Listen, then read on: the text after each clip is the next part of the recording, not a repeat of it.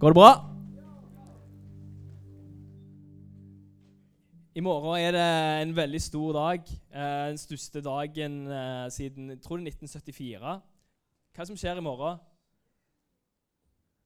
Som ikke har skjedd siden 1974?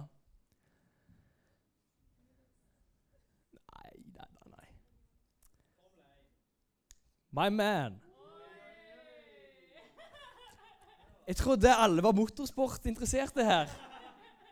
Nå går stikket tilbake til Sandnes, altså. Er det ingen som ser på Formel 1? Hvem heier vi på i morgen? Max. Er det andre som heier på Max? That's my row. Er det noen som heier på Hamilton? Da dør Døra er der. Se Formel 1 i morgen. Det som er greia er at de har, Det er to førere som har like mange poeng. Det har ikke skjedd siden 1974. Det, det siste løpet i sesongen. Oh my gosh. Eh, fra en idrett til en annen. Her skal dere få se en av mine store forbilder. Tenk at verdens raskeste mellomdistanseløper verken er fra USA, Japan eller Kenya. Nei, han er fra Lura. Lura i Sandnes. Oh. Det er rått. Men jeg har tenkt litt på i det siste at eh, det må være litt stress å være venn med Jakob Ingebrigtsen. fordi han gjør jo ingenting annet enn å løpe. Så hvis du vil være med han, så må du på en måte få på deg løpeskoene og springe. Og jeg hadde iallfall følt meg ganske drit hvis jeg sprang med Jakob og jeg bare opplever at han må liksom løpe sykt sakte for at jeg skal holde følge med han. Da hadde jeg blitt fornærma. Men litt det dilemmaet av å, liksom, å være verdens raskeste og liksom ingen holder følge med deg Litt det dilemmaet har Gud med oss. Fordi Gud han elsker jo hver enkelt menneske, men han er så sykt mange liker over oss. Han, hans hjerne bare fungerer på en helt annen måte enn vår hjerne. Han tenker på en annen måte enn deg. Hans standard er sykt mye høyere enn din standard. Og Det er egentlig en enorm distanse mellom hvem Gud er, og hvem du er. Og det var jo nettopp denne, denne distansen som gjorde at Gud i sin nød sendte sin sønn for å bli et menneske. For å ta hele veien fra liksom, OL, der Gud egentlig hører hjemme, helt ned til Tinestafetten, der meg og deg hører hjemme. Det var det som skjedde i jula. Og så tar faktisk Gud sjøl på seg løpeskoene, så lever han et liv her på jorda. Et perfekt liv. Jesus ble utsatt for stress og press, akkurat som meg og deg. Han ble utsatt for fristelser. Men han hadde alltid blikket på målet, og så fullførte han uten å synde. Den eneste i verdenshistorien som har klart det. Og Det gjør at meg og deg vi har et valg. Valget vi må ta, er om vi vil basere livet vårt på hvor raskt vi klarer å springe rundt denne runden, eller hvor raskt Jesus springer rundt. Akkurat som at ingen av oss klarer å holde og følge med Jakob Ingebrigtsen, så er det heller ingen av oss som klarer å holde Guds moralske standard. Men meg og deg har et valg, og vi kan si at det, jeg vil bli kvalifisert til OL basert på Jesus sin rundetid, ikke min egen. Det å være kristen, det å følge Jesus, det å innse at det, mitt liv, måten jeg lever på, måten jeg ser på andre mennesker og ser verden på, det er ikke godt nok til at jeg kan ha noe med Gud å gjøre. Men jeg kan få lov til å legge min identitet i hvem Jesus er, og det han gjorde. Jeg kan si at selv om jeg ikke når opp til Guds standard, selv om min tid ikke er god nok til å kvalifisere meg for OL i livet, så er Jesus sin tid god nok for alle her inne. Og det er faktisk så enkelt av å tro at vi kan bare si jeg vil løpe med Jesus sitt startnummer. Jeg vil at uh, hans prestasjon, det livet han levde, skal være det som jeg baserer mitt liv på. De fleste her inne vet at, det, at det liksom Jesus han døde i vårt sted. og Derfor det å være kristen det handler om at du får leve evig. Men det er så mye mer enn det, fordi Jesus han ikke bare døde i vårt sted, men han levde også i vårt sted. Så du kan faktisk istedenfor å basere livet ditt på hvem du tenker at du er, hvem andre tenker at du er, på hva du er god på, istedenfor å basere livet ditt på eh, hvordan du er skrudd sammen, din personlighet, din seksualitet, dine interesser, så kan du faktisk heller basere livet ditt på hvem Jesus er. Det er et ganske radikalt valg, men jeg tror det er det eneste valget som gir deg frihet. Så har jeg hørt at dere liker å snakke om Den hellige ånd. Så må vi snakke litt om han òg. Fordi historien stopper faktisk ikke på korset.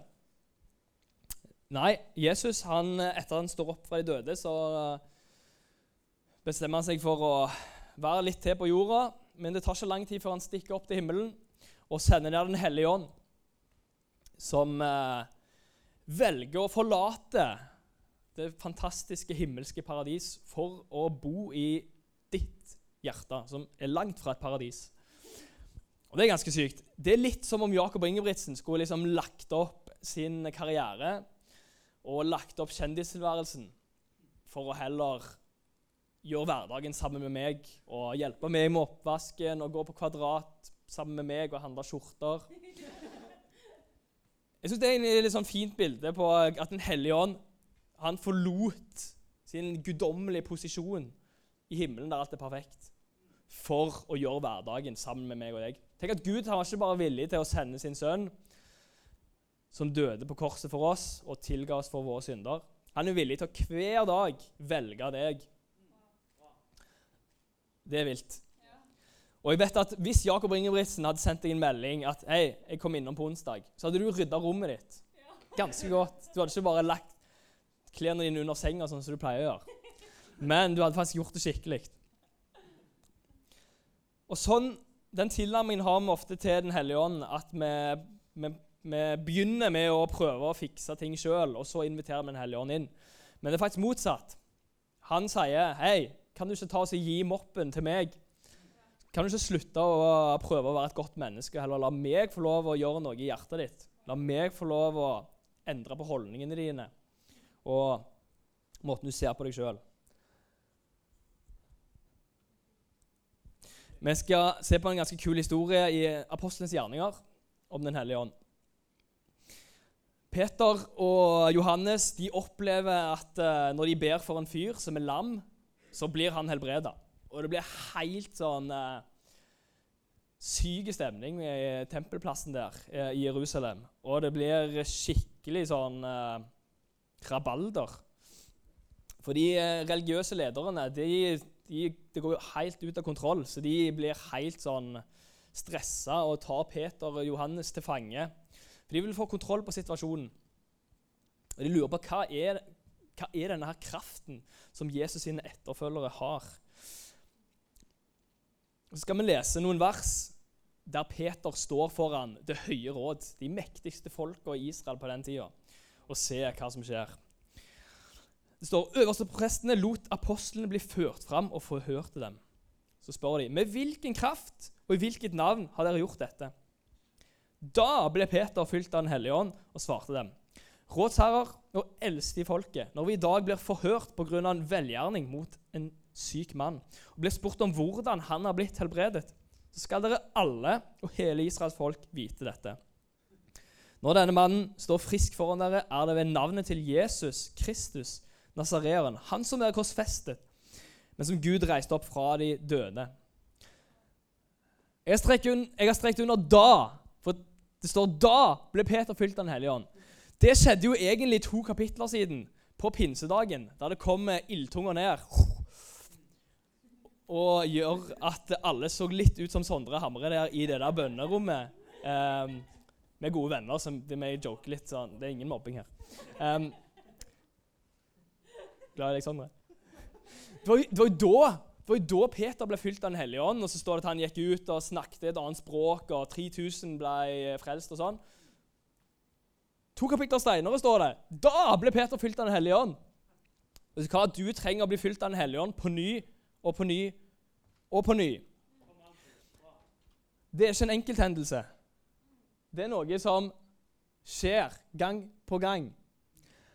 Og jeg tror mange her inne har en misoppfatning av at uh, vi må vente på Den hellige ånd.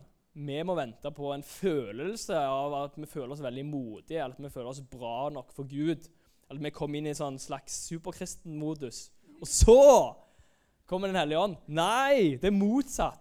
Det er faktisk når du stiller deg i en situasjon der du er 100 avhengig av Den hellige ånd, der du ikke vet hva søren du skal si og gjøre, da kommer Den hellige ånd og blir aktivert. For han er allerede der. Men han venter på at du stiller deg i den situasjonen der du faktisk trenger han. Og jeg tror det er folk her inne som vet om ting som de burde, gjøre, burde gjort for lenge siden. Jeg tror det er folk her inne som kjenner noen som har det tøft, og du vet at det, jeg har lyst til å spørre denne personen om jeg kan be for han, eller be for hun. Men så har du ikke gjort det fordi det er skummelt. Jeg vil utfordre deg allerede i kveld, hvis det er kanskje en annen person i dette rommet, eller neste uke hvis det er en person på din skole eller din jobb. Ta så Spør den personen kan jeg be for deg. Ikke vent på Den hellige ånd. Jeg tror Når du stiller det spørsmålet, så om du ikke vet hva du skal si etterpå, så tror jeg du kommer til å oppleve sånn som Peter, at det, de ordene som Peter sa, det kom ikke fra Peter, det kom fra Den hellige ånd. Det var fordi Peter stilte seg fram der og var 100% avhengig av Den hellige ånd. Jeg tror òg det er folk her i dette rommet som står i kompliserte relasjoner. At du hadde en god relasjon med, med noen andre, men så har ting blitt vanskelig, og så har du ikke helt tatt tak i det, for det er vanskelig å snakke om. Jeg vil utfordre deg allerede i kveld eller i neste uke. Ta, så, ta opp mobilen din. Ta den telefonsamtalen som du vet at du faktisk trenger å ta. Ta så Send den meldingen. 'Hei, vi trenger å snakke sammen.' Og stol på at Den hellige ånd fyller deg når du står der og møter den situasjonen som du er kalt til å møte.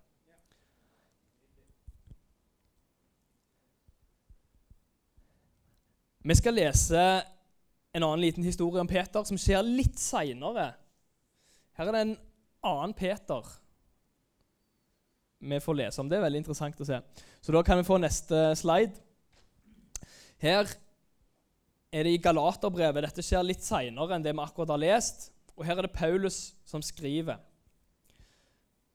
Da Peter var kommet til Antiokia Det er sikkert en god plass å reise på ferie. Jeg har ikke vært der. Jeg tror det er varmere enn her. i hvert fall. Måtte jeg sette ham på plass. Jeg sa det åpent til ham at jeg var uenig i måten han oppførte seg på. Peter hadde nemlig pleid å spise sammen med dem som ikke var jøder. Da det kom noen venner av Jakob, som var leder for eh, den jødiske kristne menigheten, trakk han seg tilbake og ville ikke lenger spise sammen med dem som ikke var jøder. Han var nemlig redd for å få kritikk av dem som forlangte at alle som ikke var jøder, måtte omskjæres for å bli frelst. Jeg er takknemlig for at vi ikke trenger å bli omskjært for å bli frelst. Amen. Kanskje det er relatable for dere at dere ikke har lyst til å spise sammen med folk fra Moi. og sånn. Uh, jeg, jeg, kjenner ikke kulturen her. Men det som er rart å lese her, er hvor annerledes Peter er her. I den forrige historien vi så, så står Peter foran de mektigste i landet. Dette er menn som har makt til å fengsle Peter, til og med til å ta livet av Peter, sånn som de gjorde med Jesus. Likevel så står han uten frykt og forteller hva han tror på. Mens i denne situasjonen så er Peter sammen med andre kristne. Likevel så er han livredd og baserer han Eller og så er han så redd for hva andre tenker om han, at han velger å ikke spise sammen med folk som han egentlig skal spise sammen med. Fordi han er mer opptatt av hva andre tenker om han, enn hvordan Gud ser på menneskene rundt han. Hva er forskjellen på Peter i den første historien og den andre? Jo, siden jeg ikke fikk noe svar, skal jeg svare på det sjøl. Dere tar dere notater, forresten? Ja, jeg føler det her er en bra tale å ta notater på. Den første historien så ser vi Peter blir fylt av Den hellige ånd. Står det noe om Den hellige ånd her? Svært lite. Her ser vi Peter i egen kraft, uten noe hellig ånd. Hvis liksom, sjefdisippelen, han som leda den første kirka, var så avhengig av Den hellige ånd Hvis han, hvis Peter, var så håpløs uten Den hellige ånd, hva er det som gjør at meg og deg prøver gang på gang å leve livet vårt uten Den hellige ånd?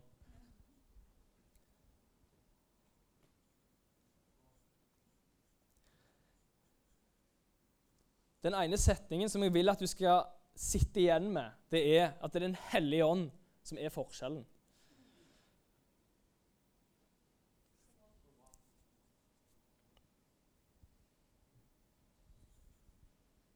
kan få hjelp av bandet her på slutten.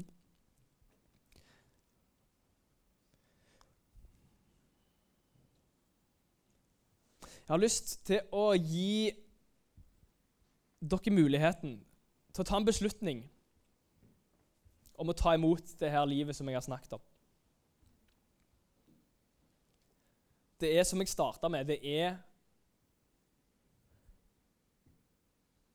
et ganske radikalt bytte der din identitet lenger ikke er basert på hvem du er, hva du har gjort, hva du ikke har gjort, men det er basert på Jesus og hva han har gjort. Hvis du ennå ikke har tatt et sånt standpunkt at jeg vil at livet mitt skal handle om Jesus, jeg vil følge i hans fotspor Jeg vil at den viktigste relasjonen i mitt liv, kilden til min styrke, det skal være Jesus så vil jeg gi deg muligheten til å ta en sånn beslutning i kveld. Om du sitter her inne og tenker ja, men jeg fortjener ikke Guds kjærlighet, eller jeg forstår ikke alt, eller jeg er ikke enig i alt som står i Bibelen, så det er faktisk eh, Det betyr ingenting. fordi hvis du har de tankene, så er du tilbake i det sporet der din identitet handler om deg sjøl. Nei.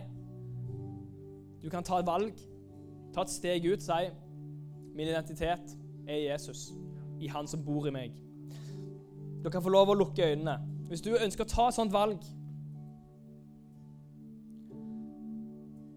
så har jeg bare lyst til å utfordre deg til å rekke opp hånda som en uh, overgivelse til Gud.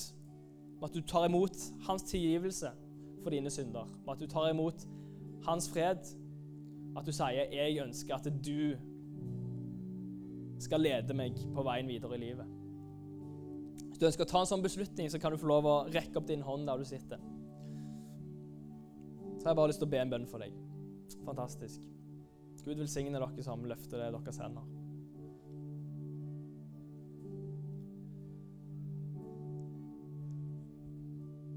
Hvis du er her inne og kjenner at det, ah, Gud føles så langt vekke, så har Gud allerede tetta den distansen. Jesus gjorde det for 2000 år siden. Uavhengig av hva dine tanker og følelser sier, så leser jeg i min bibel at uh, det er ikke lenger noen ting som skiller Gud og menneske. Hvis du her inne ønsker bare å springe gjennom den muren som du kanskje har satt opp mellom deg og Gud, og si at uh, 'jeg er din', så skal du få lov å løfte opp din hånd.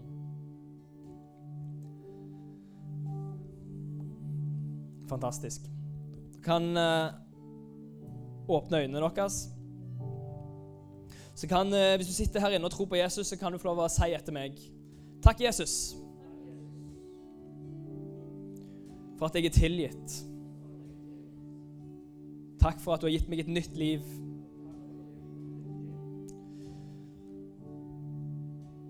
Jeg vil leve for deg. Amen. Konge.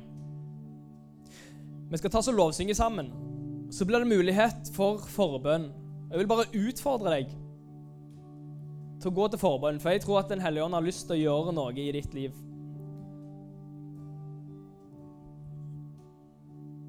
Akkurat som Peter så er jeg ganske sikker på at det er folk her inne som har prøvd i egen kraft og følge Jesus. Prøvd å tro. Det går ikke så bra når en prøver sjøl. Jeg vil utfordre deg til å gå til forbønn for å slå på motoren som du egentlig har inni deg, som du kanskje ikke har vært på på en stund. Det er faktisk Den hellige ånd som er drivkraften, ikke din egen viljestyrke. Hvis du trenger helbredelse, kom til forbønn. Hvis du føler deg forvirra, Kom til forbønn. Hvis du står overfor et veivalg og jeg tenker Hva søren skal jeg gjøre? Kom til forbønn. Jeg tror Den hellige ånd har lyst til å møte deg.